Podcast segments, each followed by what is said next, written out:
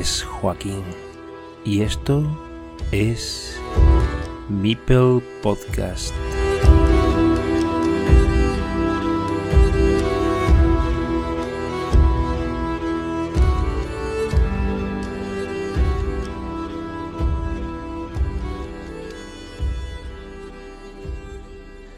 Hola Joaquín Majete.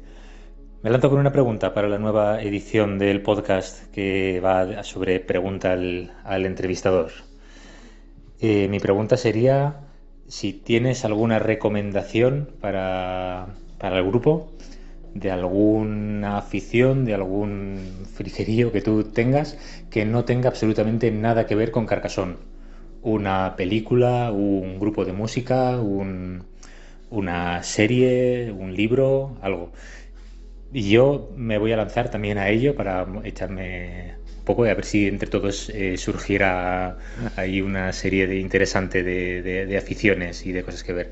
Yo voy a recomendar una película, es una película bastante rara. Eh, se llama en inglés One Cut of the Dead, aunque el título original es en japonés, es una película japonesa. No soy capaz de pronunciarlo, pero es algo así como Cámara Otomeru Na, no lo sé muy bien. Eh, y en español se llamó, se tradujo por eh, eh, Zombies Cámara Acción.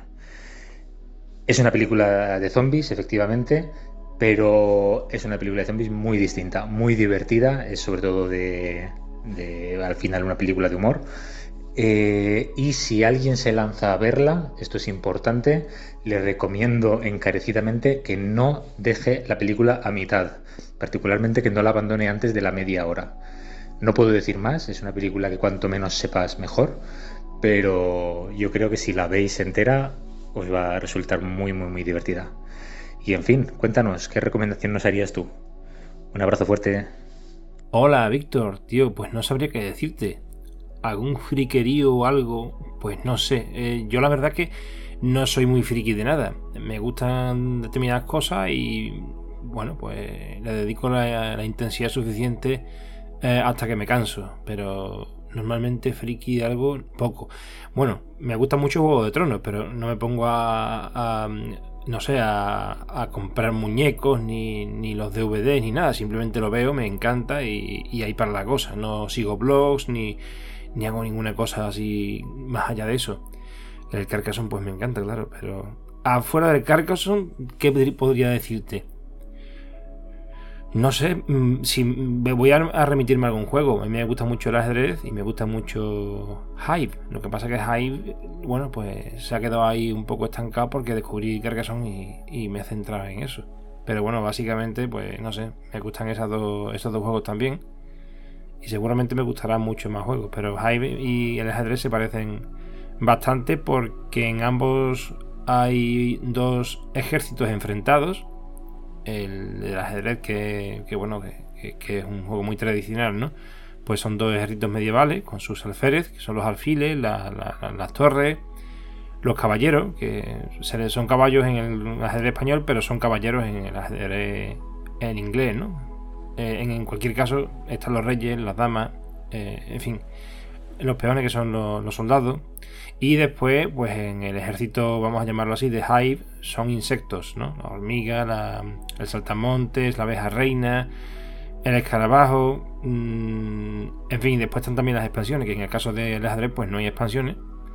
Pero eh, mientras que el ajedrez se juega en un tablero de 64 casillas, está en un entorno delimitado, por una cuadrícula de 64 escaques. En el high, por ejemplo, pues no existe tapiz de juego, simplemente la conexión de las mismas piezas son las que conforman eh, la, colmena, que es el nombre de hive en inglés, colmena. Al fin y al cabo, la unión de las piezas es lo eh, que, por cierto, no se puede dividir la colmena, no se puede disociar una vez que se han conectado las piezas, solamente se pueden mover dentro de la colmena.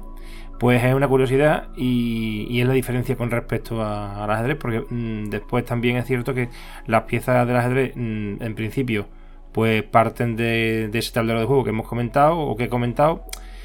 y están todas ahí desde un inicio. Después se van perdiendo porque se van capturando y pueden volver a entrar eh, desde el punto de vista de que existe la coronación del peón. Cuando el peón llega a la última fila, pues se puede convertir otra vez en, otra pieza que ya se ha capturado con anterioridad o simplemente una pieza nueva que no estuviera antes en el tablero. Podría haber pues hasta nueve damas, aunque suene un poco extraño porque es muy difícil que eso se produzca. Pero es así. Eh, habría que tirar de otra eh, de otro juego diferente para poder incluir la, dama de otro juego dentro del tablero, evidentemente. Pero bueno, estas son cosas muy circunstanciales y muy difíciles de encontrar.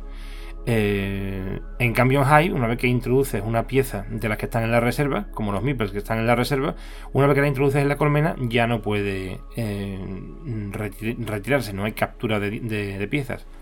Lo que se pueden es bloquear se puede encontrar que piezas, las piezas se bloquean y no se pueden mover, pero simplemente están ahí en el, formando la colmena.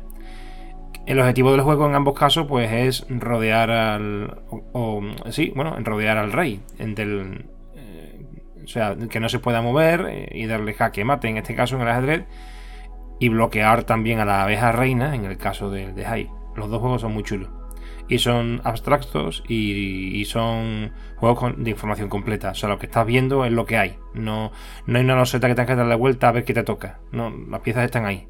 Se ven y se trata de la mente del jugador contra la otra mente del jugador. Eh, me gusta mucho, la verdad. Pero tengo muchos hobbies y no creo que ninguno sea ningún friquismo. Pero bueno, eh, voy a decir esas dos cosas. Aquí van unas preguntillas. ¿Alguna expansión que quieras probar aparte de La Princesa y el Dragón? Bueno, La Princesa y el Dragón es una de mis expansiones favoritas. La he jugado en VGA y no la tengo físicamente, así que la tendré que comprar. Pero sí he comprado ya mercados y puentes, por circunstancias de que me ha venido bien, por precio y demás. Eh, la compré por Wallapop, que también tenía dinero en el monedero de Wallapop, de vender otras cosas yo también. Y bueno, mm, me llama la atención, porque además me regalaste, Héctor, eh, pues, mm, si no recuerdo mal, fueron unos puentes que, que conseguiste a través también de Wallapop, de una chica que hacía impresiones en 3D, y eran unos puentes trambóticos, mucho más raros que los de la expansión de Mercados y Puentes. Así que bueno, estoy interesado en, esa expansión, ya la he comprado de hecho, y esa es la siguiente que, en la que voy a intentar jugar, lo que pasa es que esa no está implementada en VGA y entonces pues no puedo jugarla, tiene que ser físicamente con alguien y de momento no, supongo que tendré que engañar a mi mujer. ¿Para cuándo un canal de YouTube que ayude a dar un soporte visual a todos los temas de estrategias del juego base y de, temas de expansiones? Bueno, esto me lo preguntas porque ya hemos hablado de ello. Eh, a ver, mi intención cuando empecé con hacer un proyecto de divulgación no había pensado expresamente en el podcast, había pensado en muchas cosas. El Twitch, el YouTube, no sé, muchas cosas. Las redes sociales no es lo mío, desde luego, pero eh, el tema de YouTube me gusta. Ya hice vídeos cuando estaba en el club de ajedrez, pero eran vídeos muy básicos y una edición directamente en el formato que te permite YouTube directamente eh, online y es un poco rollo. La verdad, hoy en día hay muchas herramientas, pero yo soy desconocedor de ellas, entonces tengo que ponerme un poco al tema. En, el, en cambio, en el Twitch, que es más natural porque se hace sobre el sobre la marcha, en directo, bueno, pues eso se queda borrado después y no me gusta tanto, pero se puede, hay una mm, posibilidad que es ponerlo para que se suba después eh, a YouTube. Entonces en el mismo canal de YouTube podrían aparecer eh, algún tipo de emisión de Twitch ya grabada y subida a YouTube y también hacer eh, cosas en YouTube, por ejemplo, como bien has dicho, pues para, para iniciar a aquellas personas que, que se acercan por primera vez a Carcassonne y las que ya están dentro pues para amenizar un poco el tema con el tema de las expansiones. Eh, enseñarlas, hacer un unboxing o sin unboxing, simplemente enseñar la loseta, eh, comentarlas, que es más visual que por ejemplo en el podcast, ¿no? Y bueno, estoy centrado ahora mismo en el podcast, pero poco a poco voy reuniendo los requisitos técnicos para poder intentar meterme un poquito en YouTube. Tampoco lo voy a hacer así en plan semiprofesional como hacen muchos youtubers o streamers, simplemente queriendo aportar algo más de complementariedad a lo que hago, a lo que hago en el podcast. Pero eh, está por venir. Después de Hype, ¿por qué Carcassonne y no Catán? Bueno, yo tenía Catán en casa, me lo regaló mi mujer hace años, pero yo no le he echado cuenta al Catán.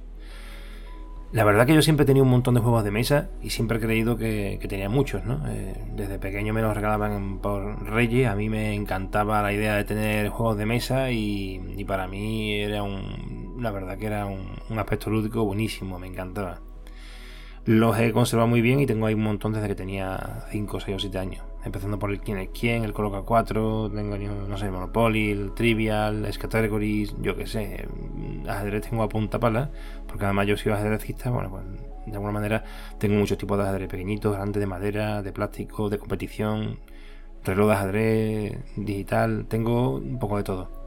Pero llega un momento de los estudios universitarios, el trabajo y, bueno, y, la dedicación propiamente al ajedrez amateur de club. Bueno, pues al final yo he pasado por alto que la existencia de los juegos de, los juegos de mesa alemanes o, de origen alemán o Eurogames, como, como se les llama.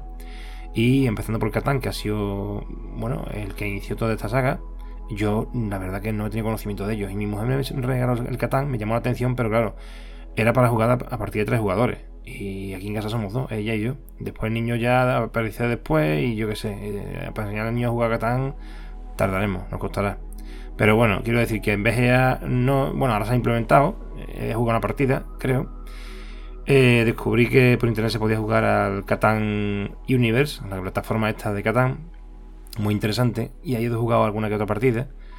Pero lo que pasa es que yo lo tenía, pero no he jugado hasta hace poco. En realidad yo he descubierto Hive y la plataforma BGA al mismo tiempo por una persona que ya lo he comentado en otras ocasiones, que es un compañero de trabajo, que permítame que, os lo diga, pero en realidad era una persona a la que le llevaba las cartas, era un chico que vivía en un bloque de piso donde yo le llevaba las cartas y el chico se interesó por trabajar en correos y bueno, pues al final... Eh, empezó a trabajar en correos de forma eventual, pero no en, el mismo, en la misma unidad que yo. Y eh, teníamos contacto a raíz de que yo le llevaba las cartas, conocía, tenía confianza con él, pero como entró después en correo, pues adquirimos más. Esa, esa amistad o esa confianza adquirió más relevancia. Y con el paso del tiempo resulta que ha, terminado cayendo en la unidad donde yo trabajo. Todavía no está fijo el, chico, pero tenemos un, aspecto lúdico común que es los juegos de mesa. A él le encantan todos los juegos de mesa y juega a, todos por igual. No tiene una fijación eh, a, ninguno en concreto. Con ninguno en concreto. Entonces, claro, a mí me enseñó Hive. Un día vi que lo había pedido por la Lispre. Es de mala calidad. Y yo me compré el Hive pues, de baquelita, que es un, el original es de un polímero plástico mm, muy duro. Y está grabado los insectos dentro de la ficha de Hive y coloreado. La verdad que está muy bien. Eh, vale caro y me compré hasta las expansiones. En fin, que a mí me encanta Hype, pero incluso me compré un libro en inglés y contacté con gente de que juega el campeonato del mundo a través de Board Space, que es otra plataforma diferente de BGA, con muchos juegos abstractos, y la verdad que me encantó. Incluso tenía la intención de contactar con el autor y buscar manera de traducir el libro, aunque yo no soy traductor, pero bueno, o hacer algo sencillo. Después me di cuenta de que Steve D, que también hizo el, libro de Carcassonne que me leí junto con, Dan Char, que, que lo hizo junto con él, como coautor. Y, lo leí ese después, mm, me di cuenta que Steve D tenía también otro de High. Pero bueno, al resumen, lo que quiero decir que eh, me encontré con High por el camino, teniendo el Catán cogiendo polvo. Y eh, claro, eh, entrando en la plataforma BGA, miré el Carcassonne, que este chico también me había prestado el Carcassonne Junior para que jugara con el niño. Me llamó la atención y quise comprar el Carcassonne el Carcassonne normal, ¿no? El, de, adulto o el senior, como quiera llamársele. Y coño, me encantó. Y entonces he dejado totalmente aparcado Hive. Entonces, después de Hive, ¿por qué Carcassonne y no Catán? Bueno, es que en realidad el Catán lo tenía, como digo, el Hive me lo encontré por el camino y el Catán me ha absorbido completamente los sesos. O sea, estoy aquí en, en Carcassonne, tengo Hive aparcado y el Catán me ha gustado, pero evidentemente no, no, voy por la misma sintonía que, este tipo de juego, que se basan mucho más en la suerte. Evidentemente tiene una estrategia detrás y todos los juegos tienen cierta estrategia y son muy interesantes, pero para mí Carcassonne se asimila más a lo que sería eh, el ajedrez o Hive que, que Catán. En este caso lo que pasa es que Carcassonne tiene una, eh, un componente de suerte y de azar mayor, porque es de información incompleta. Pero esta sería la aplicación. ¿Qué edición es tu favorita? ¿C1? ¿C2? ¿C3? Eh, me he debido de poner nervioso porque grabando eh, la respuesta a, esta pregunta he tirado aquí una botella de agua en el despacho y, estaba aquí los cascos, el teclado, en fin, yo no sé la que he liado aquí. Pero bueno, eh, voy a intentar responderla. yo sé que esta pregunta para ti es importante, pero para mí no tanto, pero me tenido que poner nervioso como digo. A ver, eh, yo he nacido en 2021 en lo que se trata, en lo que a Carcassonne se refiere, ¿no? Entonces yo estoy, em, empecé con el C2, con el Carcassonne original de C2, el, básico, entonces yo mm, quiero coleccionar C2. Pero claro, hay un componente nostálgico de C1, en la primera versión, la primera ilustración, tiene una serie de mini expansiones que algunas ya nos ha reeditado en C2, eh, aunque bueno, eh, hay muchas cosas de las que hablar de esto, ¿no? Entonces yo, a mí me encanta C3 porque es muy bonito, pero al fin y al cabo se parece a C2. Para mí C2 es la que yo quiero coleccionar, pero está ese componente, mm, repito, nostálgico de C1. Entonces, bueno, cuando yo termine de completar C2, supongo que querré eh, adquirir la de C1 y, al final terminaré comprando también C3. Así que no sé. Mm, me voy a quedar con C2, pero por eso. Y, al final terminaré convirtiéndome en un friki como, como vosotros. ¿Qué opinas de las expansiones de fan? Pues, ¿qué voy a opinar de las expansiones de fan? Porque es una pasada. Además, quitando Star Wars, que tiene, bueno, hay un compromiso ahí, tema copyright con, con la compañía de, no sé cuál es, no sé si es, si es Universal o cuál, pero esa no se puede evidentemente hacer nada. Pero por lo demás, el propio Hansing Gluck, la editorial original de, de Carcassonne, que detenta sus derechos, pues ofrece también planchas de, de grosetas en blanco para que la gente pueda imprimir sus propias expansiones. Entonces, si el propio editor está proponiendo que la gente haga esas expansiones, porque realmente existe detrás una comunidad enorme que, que inventa y que es creativa. Entonces, las expansiones, las mini expansiones tienen sentido por, la, por la propia comunidad fan de Carcassonne. Entonces, si, si hay una comunidad detrás eh, que, que, en la que se apoya Hansing Club para poder vender y comercializar estas expansiones oficiales, evidentemente también se le tiene que permitir a esa comunidad, y lo hace muy bien en este sentido, y es una política correcta desde mi punto de vista y un criterio aceptable, el que se permita no solamente eh, que se desarrollen estas actividades, sino que además se les facilite este tipo de losetas con troqueles para poder imprimir las propias expansiones que las mismas personas eh, inventan y crean, ¿no? Así que yo encantado, porque, bueno, habrá expansiones de fans sencillitas eh, o muy básicas y habrá expansiones de fans verdaderamente impresionantes que, serían un lujazo que, se convirtieran en expansiones oficiales de, de Hansing Loop. Así que, bueno, yo, yo, a mí me encantaría hacer también una expansión de, de Carcassonne. ¿A favor o en contra de una segunda liga en paralelo con expansiones? Eh, a favor, totalmente. Y si tengo que ponerme yo al, frente de, de, responsabilizarme de ella, lo haré con muchísimo gusto. Eh, la realidad es que esto no tiene por qué ser al margen de Carcassonne Spain, pero tampoco tiene por qué estar amarrado a la organización de Carcassonne Spain. Eh, los mismos integrantes de, del grupo de Carcassonne Expansions podrían detentar la, responsabilidad de hacer esa liga sin que llegue a ser nada oficial, será, sería extraoficioso. Y si quiere que, sea, que se haga oficial, pues nada, pues se puede incluir. Eh, se puede hacer a modo liga.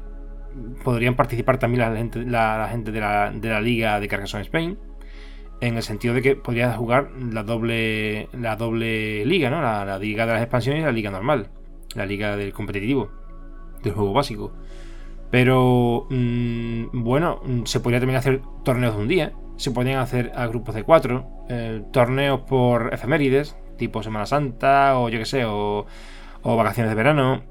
Se podrían hacer muchas cosas. Hay que verlo, había que sentarse, había que hablarlo y, ver cómo se, podría desarrollar. Pero yo a favor, claro, por supuesto que sí. ¿Para cuándo veremos ese primer borrador del libro de estrategias sobre Carcassonne?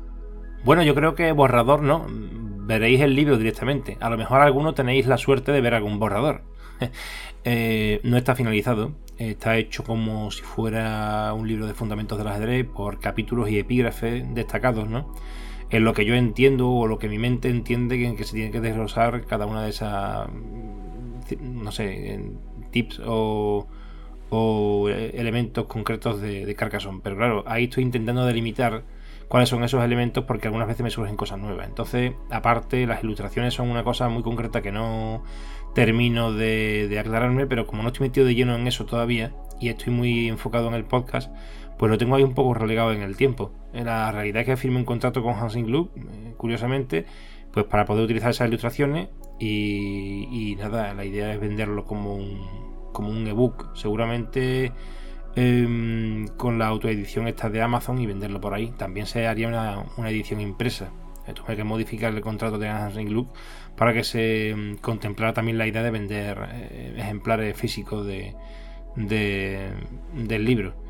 Eh, inicialmente yo creo que por, el, por el nivel que tengo no puedo detentar la idea o la responsabilidad de hacer un libro más allá de lo que serían los elementos básicos del juego, porque siempre uno tiene que intentar lograr aquello que está un poquito por debajo del nivel de uno. No, no, no puedo pretender, por ejemplo, hacer un libro para mejorar y desarrollar el juego de un jugador de 300 o 400 de Elo eh, a maestro, porque si ni siquiera yo he llegado al nivel de experto, ¿cómo pretendo explicar o darle una explicación de cómo se llega a, ese otro nivel que yo ni siquiera he conseguido, no tendría sentido. Entonces, bueno, un, primer avance, un primer libro de fundamentos básicos de Carcassonne para ayudar a la gente que se inicia a conseguir un performance así de una actuación de, un jugador de 200 a 300 elo, pues sí estaría bien. Eh, y no es difícil, pero bueno, eh, ahí estamos, intentando trabajar sobre ello también en el poco tiempo que me queda después del podcast, así que no sé cuándo, se, cuándo verá la luz, no tengo ni idea, pero bueno, ahí sigo. Hola Joaquín, te dejo una pregunta y un reto, como vienes pidiendo hace tiempo para tu propia autoentrevista, a ver qué respuestas puedes darme. Em, la pregunta es, ¿qué, opinión tienes del, factor suerte dentro de Carcassonne? ¿Qué, factor suerte hay? ¿La suerte existe? ¿No existe? Eh, ¿Te encuentras con ella? ¿Hay que buscar la suerte? Bueno, ¿qué opinión tienes de todo esto? El reto que te propongo es eh, a que nos hagas una intro ahí a la primera como te salga, en vez de tener esa ventaja de grabar una pila de ellas y poner la que mejor te salga. Y mira, ahora que lo estoy pensando, te encanta preguntar cuál es la loseta preferida de todo el mundo. Eh, yo no te voy a preguntar por tu loseta preferida, pero dinos cuál es tu pieza favorita en el ajedrez y por qué.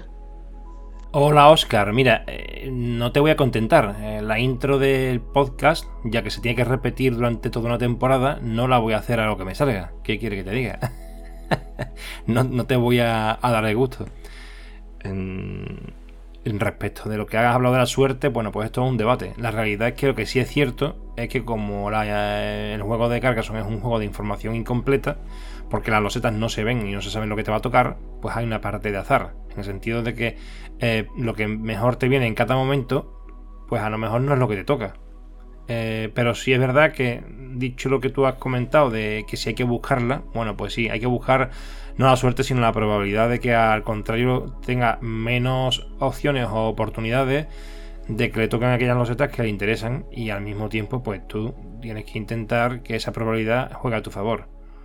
Mm, así que bueno, ¿cómo se hace eso? Hombre, es complejo. De ahí que, haya interés por parte de mucha gente de, estudiar mm, no tanto táctica, sino bien, más bien estrategia.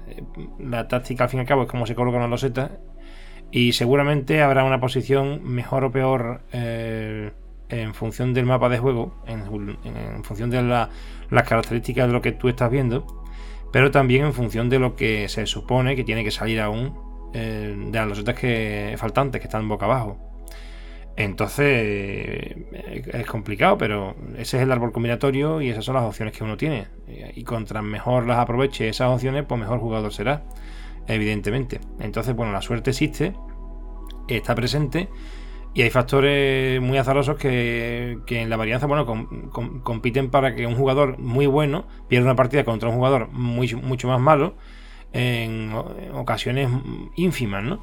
Y un jugador eh, malo, en ocasiones muy, muy puntuales, gana a un jugador maestro por circunstancias totalmente de la suerte. Muy difícil una persona que pueda ganar si le tocan 10 curvas seguidas eh, y, al otro le están saliendo todas las toda y además de la manera correcta para que montes una ciudad detrás de otra y te juntes con 50 puntos en un momento y el otro tenga 0 o 5. Entonces eso es muy difícil eh, revertirlo. Pero la realidad es que el, eh, dentro de unos márgenes determinados, dentro de esa probabilidad, es cierto que un jugador tiene que detentar una serie de características o habilidades incluso creatividad diría yo, para poder llegar a, usar correctamente los tiempos, las losetas, la probabilidad, lo, que hay en el tablero, lo que, lo que falta por salir. Es mi punto de vista. Bueno, y respecto del ajedrez, ¿qué quieres que te diga? Me encanta como todo el mundo la dama, porque es la pieza más potente, pero al mismo tiempo es la más vulnerable. El rey no se suele elegir, porque el rey siempre tiene que protegerse, ya que es al que hay que darle jaque mate, hay que, hay que acorralar y al que hay que asediar. Entonces no es una pieza que se utilice, simplemente se esconde. Por tanto, no es una pieza que a la gente le guste, pero si, si pensáis que en un final de, de, ajedrez puede encontrarte que tengas un rey y un peón contra otro rey y otro peón, la característica fundamental del juego ahí no es, el, es siempre el peón, muchas veces es el rey porque la iniciativa, quien la lleve, si sabe colocar al rey en la posición adecuada, es un juego totalmente posicional, se convierte en un juego totalmente eh, matemático y si haces mal la jugada, aunque no lo parezca a simple vista y a un jugador que no juega bien al ajedrez o no juega habitualmente, no se percate, pero según cómo muevas el rey en determinada posición, has perdido la partida. Entonces el rey es una pieza fundamental, es el corazón de la partida, porque hay que darle mate, pero al mismo tiempo es una pieza fea, que no la quiere, que nadie la tiene como la mejor, la mejor pieza del ajedrez. Yo, yo tampoco. Y quitando el rey y la dama, que son las piezas más, diríamos, más importantes, entre comillas, nos quedan el caballo, el alfil, la torre y el peón. Pues mira, el, el alfil como no se apoya en un peón o en una dama, eh, difícilmente va a poder eh, va a poder tener la, cualidad de ser la pieza más, querida por, ningún ajedrecista. Si es cierto que apunta al enroque de manera directa eh, cuando lo colocas en el sitio adecuado y, como tú decías con la loseta, la mejor pieza en ajedrez en este caso sería la, la que te permite hacer un ataque más importante al rey y conseguir la victoria en este caso o hacer una combinación que te permita la victoria, ¿no? Pero eh, el, alfil, igual que en este caso la torre, pues se mueve muchísimo mejor eh, cuando no hay tantas piezas en el tablero, cuando está en un final de juego, y evidentemente pues tiene mucha más movilidad eh, contra que el caballo, que el caballo se mueve mucho mejor como pez en el agua cuando hay más piezas en el, en el tablero, porque las otras están un poquito más obstaculizadas y el caballo va saltando de un lado para otro. Para mí el caballo es una de las piezas más bonitas del ajedrez, porque además es la que más cambios ha sufrido de movimiento. Eh, históricamente y de hace 500 años esta parte, si no me equivoco, ya mm, tiene el movimiento que, se conoce de, él actualmente. Pero diría que mi pieza favorita, por las características eh, únicas que tiene, eh, es el peón. El peón, a nivel de material, mm, es el que menos vale. Hay 8, está súper repetido, hay 8 iguales, puedes perder uno y no pasa nada pero como uno de ellos llega al final, eh, te la lía, porque se convierte en otra pieza nueva. Y puede ser, pues, otra dama. Te podrías encontrar dos damas en el tablero. Y esto ya sería definitivo, prácticamente. Pero bueno, el peón sirve para bloquear eh, a cualquier pieza. Eh, sirve para capturar de otra manera diferente de cómo mueve. No puede volver hacia atrás y en definitiva es muy, es muy curioso porque puede apoyar cualquier ataque de cualquier pieza mayor y, cualquier doble o amenaza doble que haga eh, casi están obligando al adversario a, retirarse porque como es una pieza más pequeña eh, nadie quiere cambiar una pieza mayor por una pieza pequeña que sería en este caso el peón. Al mismo tiempo eh, puede empezar con un movimiento mm, de doble filo, bueno, en un paso o dos pasos, eh, es indistinto. Y también en este sentido puede capturarse al paso, que es una captura que mm, muy distinta de la que se inicialmente hace el peón en circunstancias normales. Entonces tiene unas características mm, muy curiosas y bueno, pues es un lobo vestido de oveja si lo piensas bien. Así que sí, creo que mi pieza favorita sería el peón. Después de enrollarme tanto, aquí lo dejo. Hola Joaquín, tengo una pregunta más para tu autoentrevista en Mipel Podcast. Mm, dado que coincidiremos mm, con un alto porcentaje de probabilidades en el nacional, eh, tanto tú y yo como el resto de compañeros de la asociación y demás, ¿te has planteado hacer una entrevista allí mismo al campeón de 2022 de España? Pues mira, no, no la voy a hacer, creo que no la voy a hacer. Es muy sencillo. Eh, el ganador del Nacional de Devir eh, seguramente eh, será alguien de Carcassonne Spain. Estoy casi seguro de ello por el nivel que detenta toda la, comunidad que va a jugar allí y que pertenece a nuestro colectivo. no viene nadie de Carcassonne.k si no me equivoco. Bueno, puede que venga Manel, pero quiero decir que nos conocemos todos. Y entonces puedo hacer la entrevista a posteriori. Date cuenta que ese día yo también voy de jugador. Entonces seguramente yo intente, vamos a ver, mm, ¿cómo lo digo? Intente captar la, esencia del día, intente mm, tomar notas, intente grabar algo, eh, hacer, hacer, un seguimiento ¿no? del evento. Pero ya al final del día, que me tengo que volver para Sevilla, en grave, que va uno ya con prisa, que está uno cansado, incluso el campeón, que le harán foto, le darán el premio, yo creo que es la, oportunidad más mala para hacer el, mm, la entrevista, por así decirlo, eh, aunque parezca lo contrario. Porque si tengo un hueco, seguramente pues intentaré hacer una mini entrevista. Una mini entrevista, eso puede ser. O uno coger a lo mejor y preguntarle cómo, bueno, cómo ha sido su impresión, ¿no? Al respecto del día, cómo lo ha pasado y demás. Pero sinceramente creo que, lo ideal sería recoger un poco las circunstancias del evento. Y como entrevista como tal, eh, sería más interesante hacerla más adelante cuando ya pasan varios días y uno ha dormido con la almohada, ha, pensado sobre lo que ha pasado y tiene más, más cosas que decir. Digo, yo, eso es lo que yo, eso es como yo lo veo. Hola Joaquín, pues a mí me gustaría preguntarte, ya que sé que hace poco que has debutado en un campeonato presencial y que me parece que el resultado fue bastante bueno. Eh, ¿Qué te parece a ti el mundo competitivo presencial del mundo competitivo online? ¿Cuál es la mayor diferencia? ¿O qué cosas a favor o en contra ves en el uno que no hay en el otro y viceversa?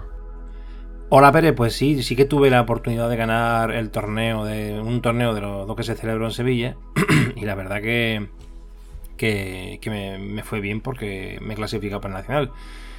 Mm, diferencias. Bueno, yo voy a hablar del ajedrez. ¿Por qué? Porque yo me he llevado muchísimo tiempo compitiendo en ajedrez y puedo decir que eh, en online existen plataformas súper profesionales de ajedrez y hombre es un puntazo poder disponer de ellas ya que a cualquier hora, cualquier día, ya no por jugar una competición sino por echar una partida y un rato, igual que en BGA con el Carcassonne o con cualquier juego de mesa, pues esto es muy interesante. Pero claro, a nivel competitivo, pues eh, lo que pasa es que hay que diferenciar dos cosas. A nivel federativo, que no existe, por ejemplo, en, en BGA, o sea, en, en Carcassonne, eh, el ajedrez no se puede jugar eh, online, aunque seguramente habrá algo por ahí que a mí se me escapa, que pueda ser, que pueda ser, por ejemplo, oficial, con una cámara, que te estén viendo, en fin. Pero mm, entiendo que el juego federativo tiene que ser siempre presencial porque no hay manera de evitar que haya un software de ayuda, eh, que no se pueda corroborar la identidad de la persona, ¿no? Y en este caso, pues todo lo que sea oficial debe de ser presencial. Al margen de eso, competiciones que puedan jugarse de cualquier manera y, pueda hacerse online o presencial, hombre, me parece muy interesante que haya competiciones online, pero no se puede nunca evitar que, el contacto físico con las piezas, el darle la mano al oponente, el rellenar una planilla y firmarla, el ver el ambiente y sentirlo, el hablar con otras personas, compartir una experiencia o analizar una partida desde lo lejos, eso la verdad que, que es indiscutiblemente muy diferente en el presencial que en el online. Entonces el online es más sordo, más mudo y aunque exista la posibilidad de conectarte a través de la tecnología, no es lo mismo que, jugar y tocar los setas, no es lo mismo que jugar y tocar piezas de ajedrez o lo que sea. No es para nada igual. Y el mundo competitivo lo que tiene es que eh, tiene un hándicap al respecto de corroborar la identidad de la persona en lo que hay que confiar plenamente o poner medios para evitar que, se pueda suplantar la, propia identidad del jugador y el software de ayuda eso es muy complicado de, evitarlo. Eh, así que lo que yo pienso es que se complementan eh, el ajedrez online o el carcasón online o cualquier juego online con el juego físico, pero el aspecto lúdico, el aspecto divertido, el aspecto competitivo real, pues está dentro del presencial, sin duda alguna. Y esto es lo que pienso, no porque haya jugado un, torneo, mm, eh, en este caso mm, presencial, sino porque es lo que he venido observando desde hace mucho tiempo a esta parte respecto de los torneos que se juegan a nivel físico que se juegan a nivel online. O sea que la, la oportunidad que te ofrece el poder evitar las distancias, el, componente online, el componente de conexión a internet, pues es muy potente, pero evidentemente a nivel sensorial y a nivel de, confirmar la, identidad de las personas, pues evidentemente tiene que ser el presencial, sin ninguna duda. Buenas, maestro. Oye, no sé si esté tiempo para mandarte la pregunta, pero ya va. Aparte de el carcasón, y ya, bueno, no aparte. ¿Tienes algún hobby frustrado de esto de que no seas capaz mm, de que se te dé bien? Porque, por ejemplo, eh, yo eh, la música, no porque sea un melómano, que no lo soy, pero, pero tocar un instrumento, soy incapaz. Ni el feliz cumpleaños. Soy, tengo menos oído que el árbitro este, el Fernando Fernández, que no sé si sabes cómo se apellida, pues igual. Ha sido café para muy cafeteros esto último. Eh, tengo muchos hobbies semi frustrados en el sentido de que no le dedico el tiempo que debiera, pero porque se me den mal, no. Por ejemplo, me encantan los idiomas. Y llegado el punto, me inscribí en el Instituto de, de Idiomas de la Universidad de Sevilla, a cuenta de que también yo tenía todavía una carrera sin finalizar y cogí esas asignaturas como libre configuración de la carrera que todavía no había acabado, entonces me costaba muy económico. Y me apunté a inglés, a francés, a italiano y a, alemán. El alemán el primer año lo aprobé, pero lo dejé aparte porque creo que es un idioma que merece la pena ser estudiado de forma única. Y los idiomas románicos del francés y el italiano pues me parecen estupendos, la verdad que me encantan. Pero en ambos casos, junto con el inglés, que es más complicado para mí también, a pesar de que llevo tantos años estudiando inglés como la mayoría, pues mm, bueno, no he llegado a un nivel de, dominio del idioma porque tampoco he alcanzado grandes niveles de, estudio y aparte porque no tengo ninguna inmersión lingüística, no hablo con nadie. Ahora con la BGA y con esto de las entrevistas, pues intento, mm, no sé, mirarme más, cosas, pero evidentemente todavía estoy un poquito atrasado en este tema. Pero para mí no es frustrado porque yo me puedo manejar en conversaciones escritas y a nivel oral, bueno, pues mínimamente me puedo hacer entender. Pero bueno, creo que eso no sería frustrado, pero es una manera de explicar que hay cosas que me hubiera gustado llegar un poquito más lejos y como soy aprendiz de mucho y maestro de nada, pues me pasa que nunca llego a, alcanzar un dominio mayor de ninguna cosa. Y entonces, bueno, pues no sé qué podría decirte más.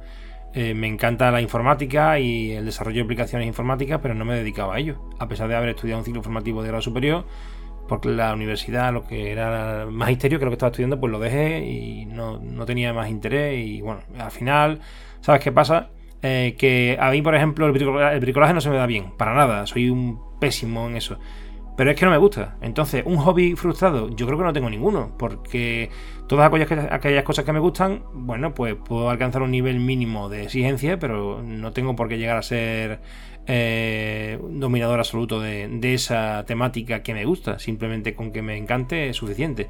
En parte me alegro de haber dedicado mi tiempo a, la labor profesional del desarrollador de aplicaciones informáticas, porque me encanta el ordenador y en este caso si me dedico a estar 10 horas delante de una pantalla, probablemente después no tenga ganas de ponerme delante de la pantalla para escuchar música o para escribir un Telegram o para jugar una partida de BGA. Probablemente lo que busque sean el contacto físico con cualquier otra cosa, menos en la pantalla del ordenador. Así que no sé cómo decirte que no, no encuentro en mi, en mi memoria ahora mismo ningún hobby frustrado, la verdad. Hola Joaquín, soy Luis. Lo primero que quiero hacerte, más que una pregunta, es eh, un agradecimiento y una reflexión. Porque la verdad es que llevo días dándole vueltas a qué preguntarte, buscar una pregunta interesante y me está costando bastante. Entonces, lo primero agradecerte el trabajo que estás haciendo, porque una vez que te pones a ello te das cuenta de lo complicado que es y del tiempo que lleva. Eh, me gustaría, y la pregunta es, eh, me gustaría saber qué tiempo de media te lleva más o menos cada entrevista entre prepararla, editarla, documentarte, preparar las preguntas, etcétera, etcétera, etcétera. Muchas gracias. Pues hola Luis, muchas gracias por la pregunta. La verdad que, que lo pienso y no le dedico tanto tiempo tampoco a preparar la entrevista. Solamente, bueno, algunas veces me documento un poco más, en algunas cosas tengo que hacerlo. Pero eh, igual que Twitch, por ejemplo, y YouTube, en YouTube cuando haces un vídeo pues tienes que tenerlo bastante bien preparado y pues tienes que evitar pues eh, los errores, ¿no? Porque al fin y al cabo cuando lo presentes ya tiene que estar editado. En Twitch, que es más natural y es en vivo indirecto, aunque después lo puedas presentar también en YouTube al subirlo, pero la realidad es que ahí se, permite un poco más de todo, ¿no? Lo que, lo a lo que salga. Y en este sentido, la entrevista pues es algo parecido. O sea, hablas con la persona, tienes un guion hecho aproximadamente, o incluso lo que tienes que leer, pero lo que quiero decir que más o menos hay poco de edición, solamente salvando el tema del ruido de fondo, alguna traspiés a la hora de hablar y que la otra persona también te pise o tú le pises a él. Y eso hay que corregirlo un poco por encima, pero bueno, es más sencillo. En cambio, un episodio grabado y preparado, como por ejemplo el episodio 1, que no he hecho más de ese tipo, eh, y, que, y que tiene más trabajo porque hay que prepararlo mejor, y ahí sí hay que documentar más, te diría que la media anda, por ejemplo, en ese tipo de episodios, pues en el triple de lo que, de lo que dura. Si dura una hora, pues tres horas lo que se echaría de, en general, entre prepararlo y la postproducción, diríamos. Y las entrevistas, pues depende. Eh, hay entrevistas que gracias a que los medios que utiliza el interlocutor pues son buenos, como por ejemplo en el caso de Pérez, que él se dedica a la comunicación y tenía una mesa de mezcla y un, y un software profesional, pues evidentemente, pues claro, la calidad de sonido incluso me supera a mí. Entonces yo ahí tuve que hacer muy poco.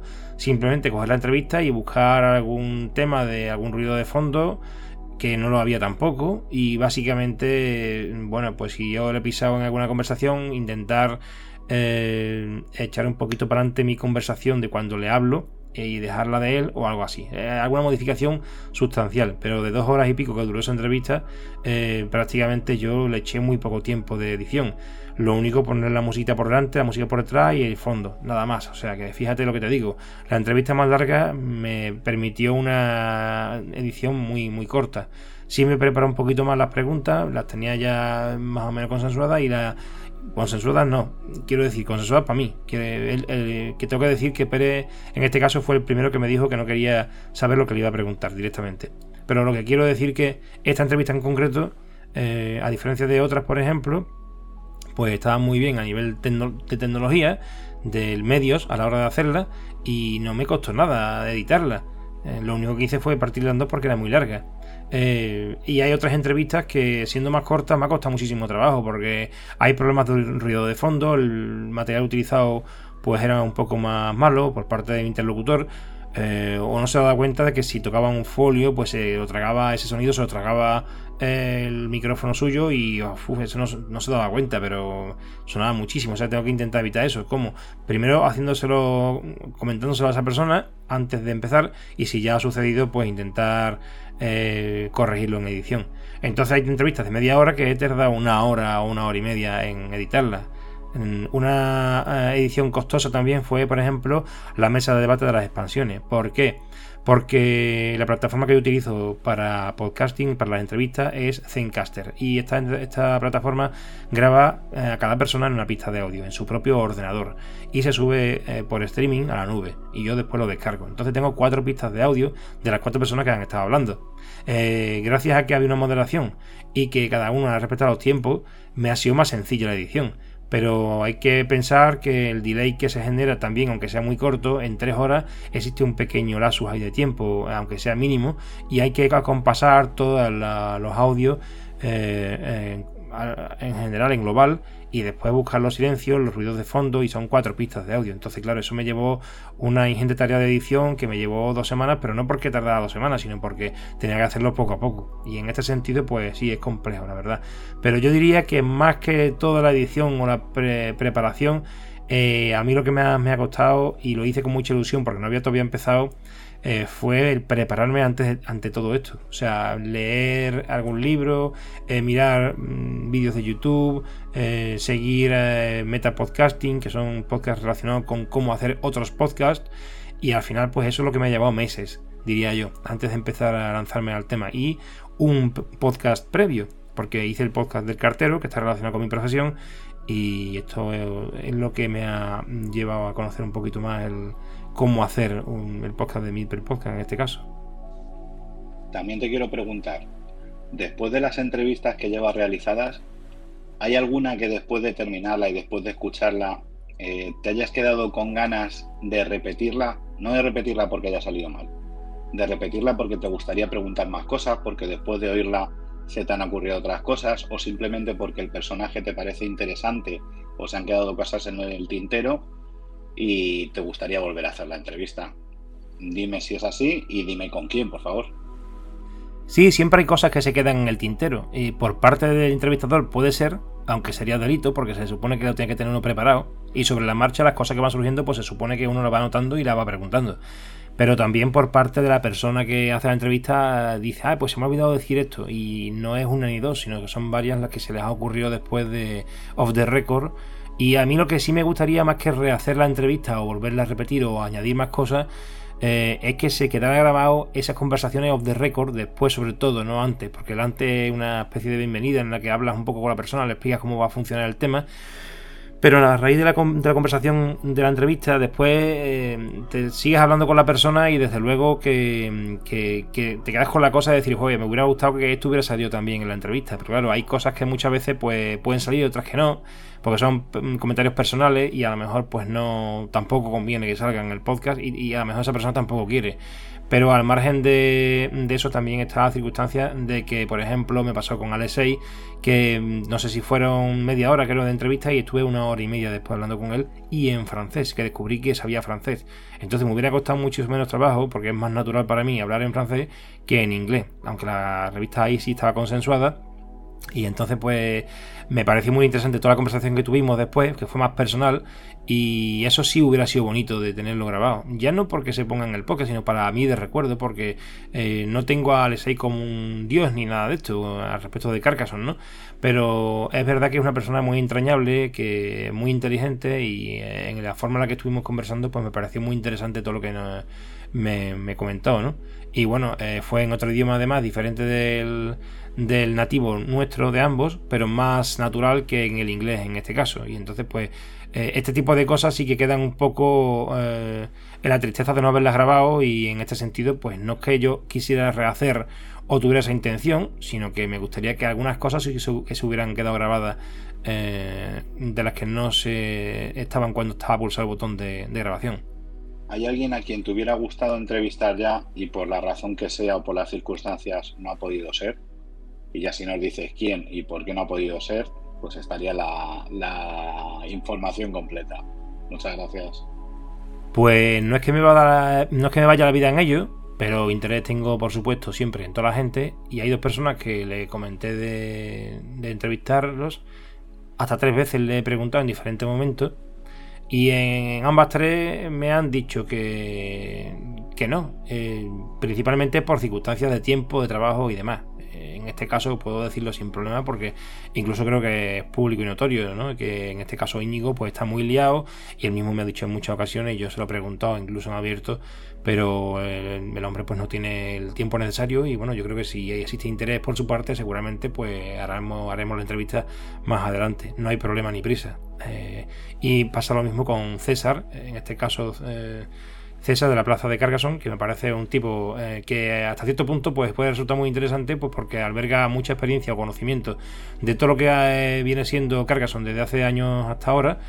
Eh, y además tiene una visión muy curiosa de algunas cosas que me gustaría que salieran en el podcast, pero en este caso también me ha rechazado la oferta simplemente porque seguramente el hombre no tiene mucho, mucho tiempo. Así que bueno, pues ahí lo dejo por si algún día quiere, quiere pensárselo eh, y tiene un hueco. Eh, muy bien, mi podcast está abierto para todo el mundo para, para poder hablar de lo que a cada uno le, le pueda eh, interesar, ¿no? De, de, comentar.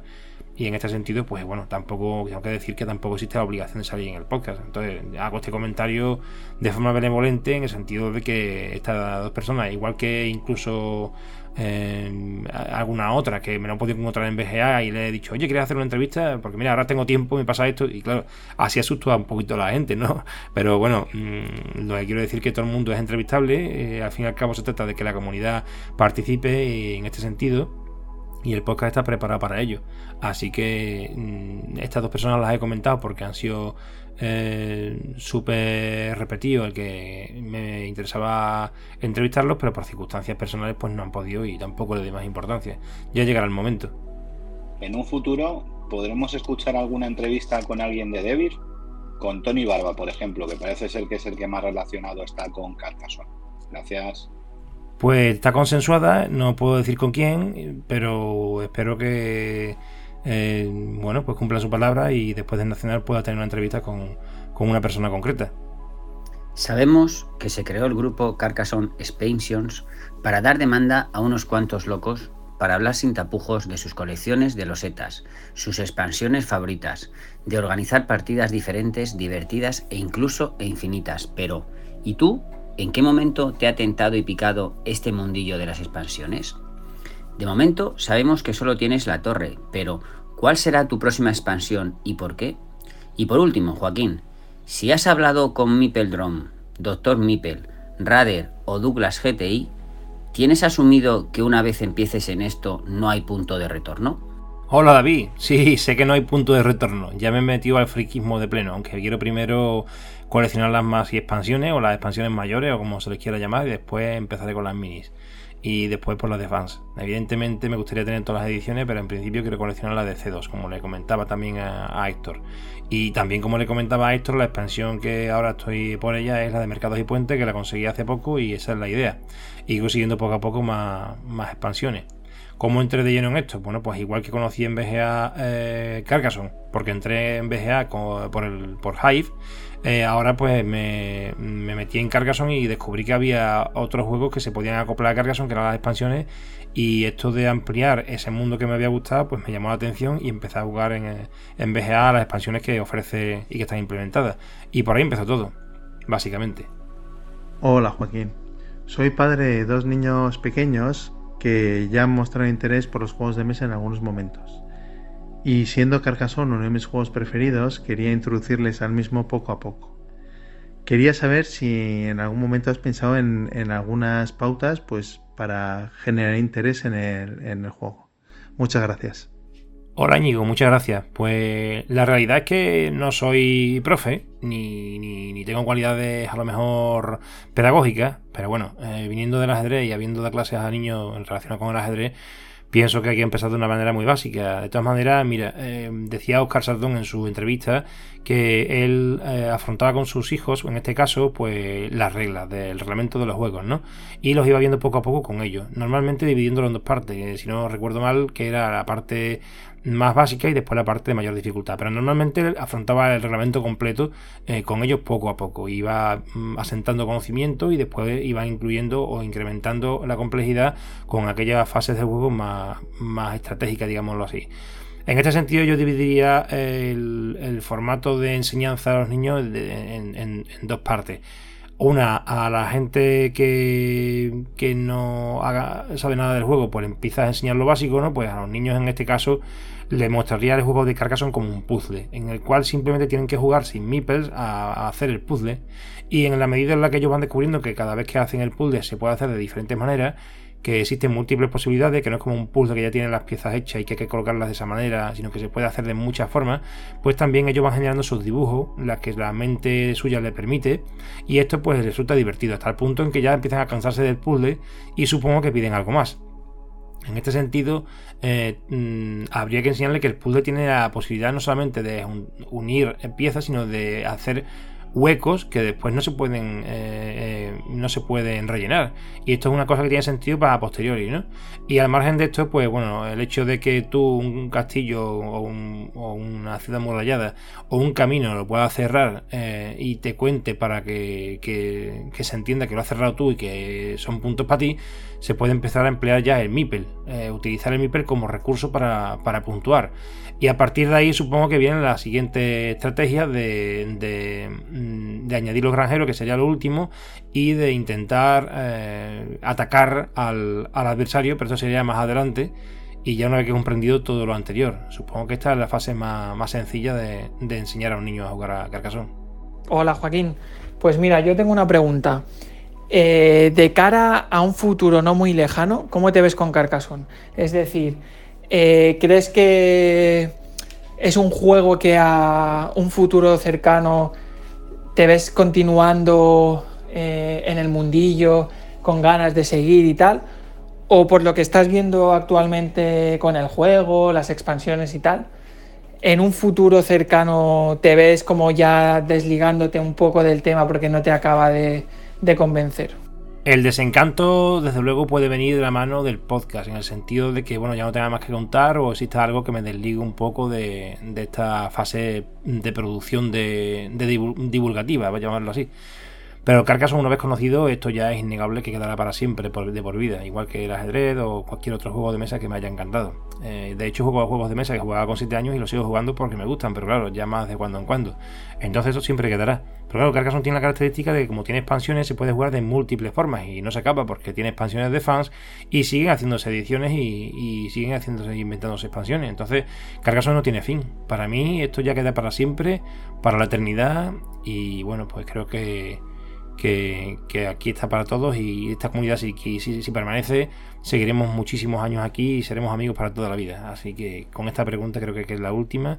Me despido de todos vosotros. Muchísimas gracias por la pregunta que me habéis hecho y bueno, espero que os guste este episodio.